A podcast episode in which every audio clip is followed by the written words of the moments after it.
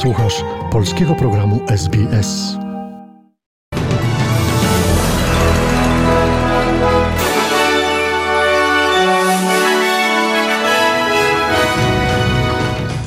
Dzień dobry, przy mikrofonie Dariusz Buchowiecki. Oto skrót najważniejszych doniesień w sobotę 28 maja.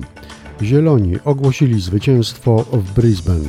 Amerykańska National Rifle Association nie odwołała swojej dorocznej konwencji w Houston. Polska zakupiła kilkaset amerykańskich systemów artylerii rakietowej HIMARS. A oto szczegóły rozpoczynamy od doniesień z Australii. Zieloni ogłosili zwycięstwo w Brisbane po przeliczeniu głosów w wyborach federalnych, które odbyły się w ubiegły weekend. Steven Bates z Partii Zielonych wygrał z dotychczasowym deputowanym koalicji Trevorem Evansem, dając Zielonym cztery miejsca w Izbie Reprezentantów. W elektoracie McNamara w Melbourne trwa ciągle liczenie głosów, które zdecyduje, czy Partia Pracy zdobędzie większość w nowym parlamencie.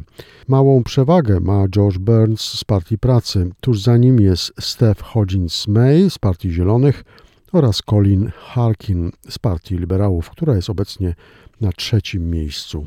Przechodzimy do doniesień ze świata. Dyrektor Departamentu Bezpieczeństwa Publicznego Teksasu, Stephen McCrow, przyznał, że policja podjęła złą decyzję, nie szturmując od razu szkoły podstawowej w Uvalde, gdzie kilka dni temu uzbrojony napastnik zastrzelił 19 dzieci.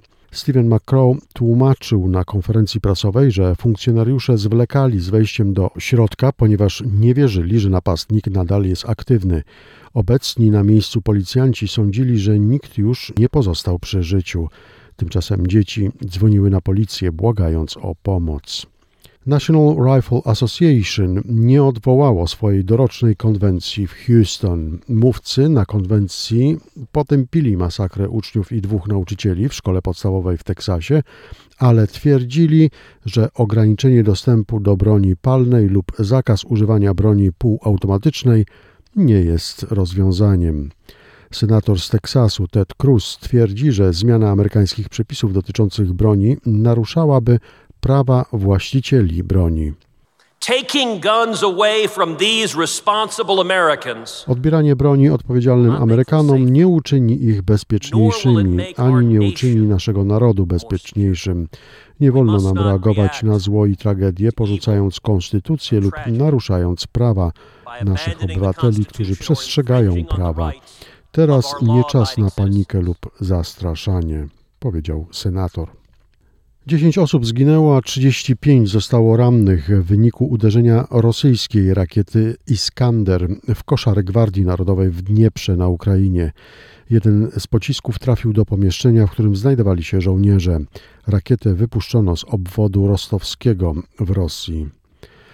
Ukraińska prawosławna cerkiew, która dotychczas była podporządkowana Rosji, wypowiedziała posłuszeństwo patriarsze moskiewskiemu. Zdecydował o tym Sobór Biskupów Cerkwi. Hierarchowie skrytykowali też zwierzchnika rosyjskiej cerkwi, patriarchę Cyryla, za to, że wspiera wojnę na Ukrainie. Jak czytamy w postanowieniu synodu, biskupi potępiają wojnę, która jest zaprzeczeniem Bożego przykazania nie zabijaj. W Watykanie w wieku 94 lat zmarł były sekretarz Stolicy Apostolskiej, kardynał Angelo Sodano. Jego stan zdrowia pogorszył się po tym, jak zaraził się koronawirusem. COVID-19 dołączył do innych chorób, na które cierpiał hierarcha. Przechodzimy do doniesień z Polski. Minister Obrony Narodowej Mariusz Błaszczak poinformował, że Polska zakupiła kilkaset systemów artylerii rakietowej HIMARS na wzmocnienie polskiej armii. Podjęliśmy decyzję o skokowym wzmocnieniu polskiej artylerii. Zamówiliśmy około 500 wyrzutni rakiet HIMARS. Realizacja tego zamówienia spowoduje, że staniemy się potęgą artyleryjską. Robimy to po to, żeby odstraszyć agresora. Robimy to po to, żeby pokazać, że atak na Polskę po prostu się nie opłaca agresorowi. Tymczasem Platforma Obywatelska proponuje fundusz o wartości 3 miliardów złotych na wsparcie dla komunikacji zbiorowej. To jeden z postulatów zgłoszonych podczas kongresu programowego PO pod hasłem pomocna Polska.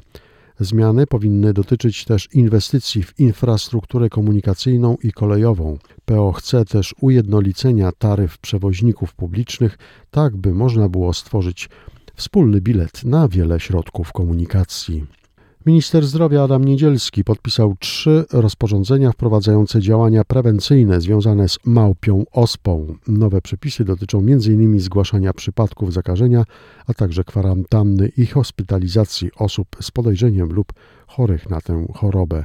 W Polsce nie zanotowano dotąd przypadków małpiej ospy, ale wobec pojawienia się jej ognisk w Europie Polska zdecydowała uwzględnić w swoich przepisach tę chorobę. Informacja walutowa. Kurs średni dolara australijskiego na dzień dzisiejszy wynosi 3 zł i 5 groszy. W przeliczeniu na dolara amerykańskiego wynosi 72 centy. Przegląd wiadomości przygotował i podał Państwu Dariusz Buchowiecki.